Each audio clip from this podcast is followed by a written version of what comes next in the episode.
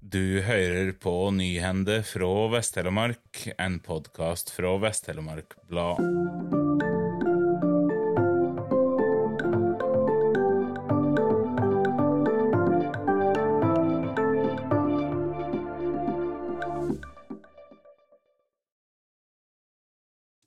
Gjennom hele året kommer det mange folk til Øvrebø for å se heimen til Sondre Norheim. De fleste parkerer på Noristog Bjåland, der Sigrid og Aslak sletter med oss bor, for å besøke Øvrebø. Når veien snart blir privat, må turistene finne ny parkeringsplass. I juni vedtok nemlig Kviteseid kommune at flere kommunale veier skal bli private. Blant dem er Bjålandvegen, som fører opp til Bjåland og Øvrebø. Ekteparet oss er ikke imot turister og turgåere, men mener det er urimelig at de lokale grunneierne skal betale for turisttrafikken. Vegprivatiseringa er nå sendt til jordskifteretten. Grunneierne må danne et veglag som vil få ansvar for alt vedlikehold av veien når den blir privat. Ekteparet er opptatt av at det ikke bare er de som bor i området som bruker den veien, og lurer på hvordan kommunen har tenkt å organisere kostnadsfordelinga mellom alle de ulike brukerne. De er ikke interessert i så stor trafikk som de har nå på en privatdrifta vei. Dag Rorgemoen, som er direktør ved Vest-Telemark museum, har sammen med flere reiselivsaktører i Vest-Telemark oppmoda Kviteseid kommune om å gjøre om vedtakene om privatisering av Bjollandvegen og Hortveitvegen. I et brev til kommunen uttrykker de uro for konsekvensene dette vedtaket kan få for allmenta sin tilgang til Øvrebø. De mener det er svært overraskende at Kviteseid kommune, som har så mye reiselivsbasert næring, risikerer at disse veiene blir stengt, og mener kommunen i stedet burde gi ei håndsrekning og honnør til de grunneierne som gjennom flere tiår har stilt areal og tun til rådvelde for alle som ønsker å besøke og oppleve den historiske staden. Rorgemoen mener kommunen med dette vedtaket utfordrer den store velvilja grunneierne har vist så langt. Sigrid Aslak sletter med oss og klare på hva de vil gjøre når veien blir privat. Vi stenger parkeringsplassen, den har vi lagt til rette for oss sjøl, sier de.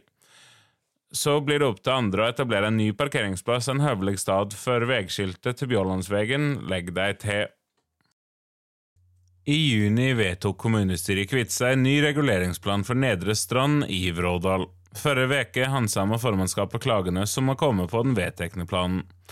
Driverne av campingplassen på Nedre Strand i Vrådal ønsker å legge om drifta. I tre generasjoner har de drevet både campingplass og hytteutleie, men nå ønsker de å bruke mer plass til hytteutleie. I vår var reguleringsplanen til handsaming i kommunestyret i Kviteseid, og med noen avgrensinger fra den opphavlige planen ble den vedtatt med ni mot åtte røyster i kommunestyret. De tre som har klaga, er nabo Strand Hotell og Strand Sommerland, nabo Margit Myra og eieren av Nedre Strand, Hans Christiansen.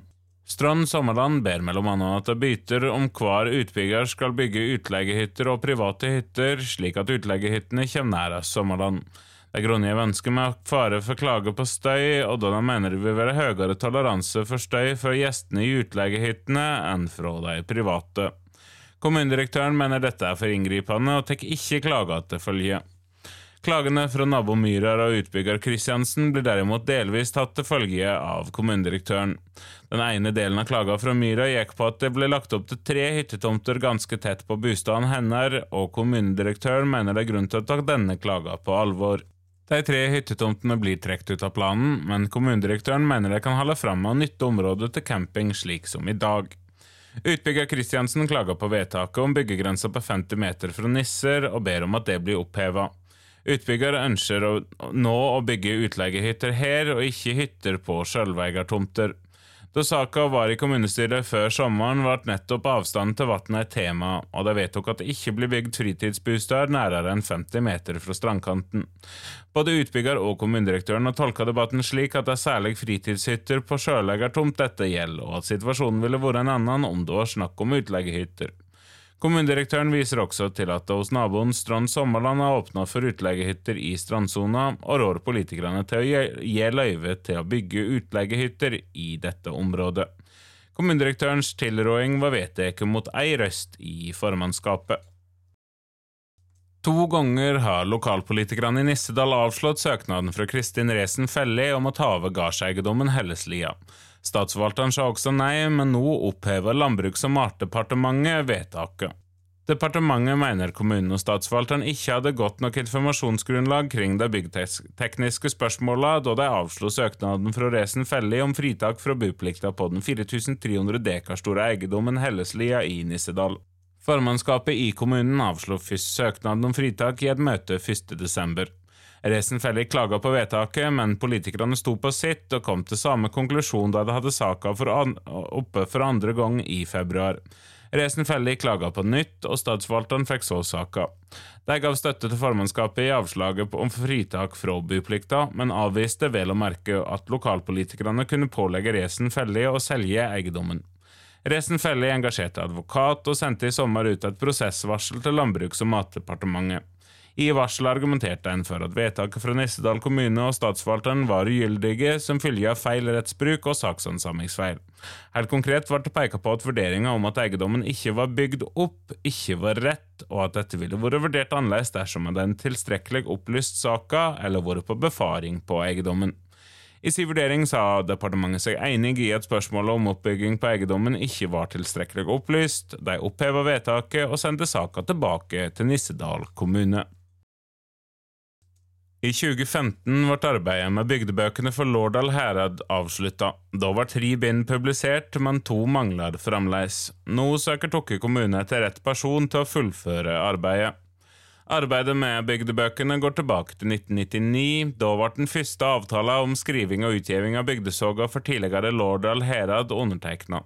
I 2014 ble de tre første bindene av Lårdal heim og att publiserte. Det er alle fra Høydalsmosokken. Band 1 Breiland Ofte og Hovden. Band 2 Tveiten og Smørklepp. Og band 3 Kvål og Fjødde. I 2015 ble arbeidet altså stansa av kommunestyret. Et av argumentene var at prosjektet hadde blitt langt mer omfattende og tidskrevende enn føresett. Da var bare tre av fem bind altså fullførte. Initiativet til å fullføre arbeidet med bygdebøkene for gamle lord Alherad kommer fra leder av Oppvekst-, kultur- og idrettsutvalget, Geir Arild Juve, i fjor høst. Bøkene om Hedalsmo er unike og ga veldig stor historisk og kulturell verdi. Det ville være svært uheldig om ikke resten skulle bli gjort ferdig, og jeg mener nå tida er inne for å nå forsøke å få det i gang igjen, skrev utvalgslederen til kommunedirektøren den gang. Kommunedirektøren rådde på si side politikerne til å si nei til å gå videre med arbeidet med sogebøkene, men i desember ble det flertall blant politikerne til å etablere ei arbeidsgruppe som skulle se på mulige løsninger for å fullføre arbeidet. Og da saka igjen nådde kommunestyret i mai i år, var det vedtatt at Tokke kommune skal fullføre bygdebøkene for gamle Lårdal Herad. Tidsramma er fem år, og prislappen er inntil 3,5 millioner kroner og nå er altså stillinga eller oppdraget som sogeskriver ledig. Tusen takk for at du hørte på. Denne sendinga var produsert og presentert av Aslak Kringhus for Vest-Telemark Blad, og musikken er laga av Symre Taugbølbang.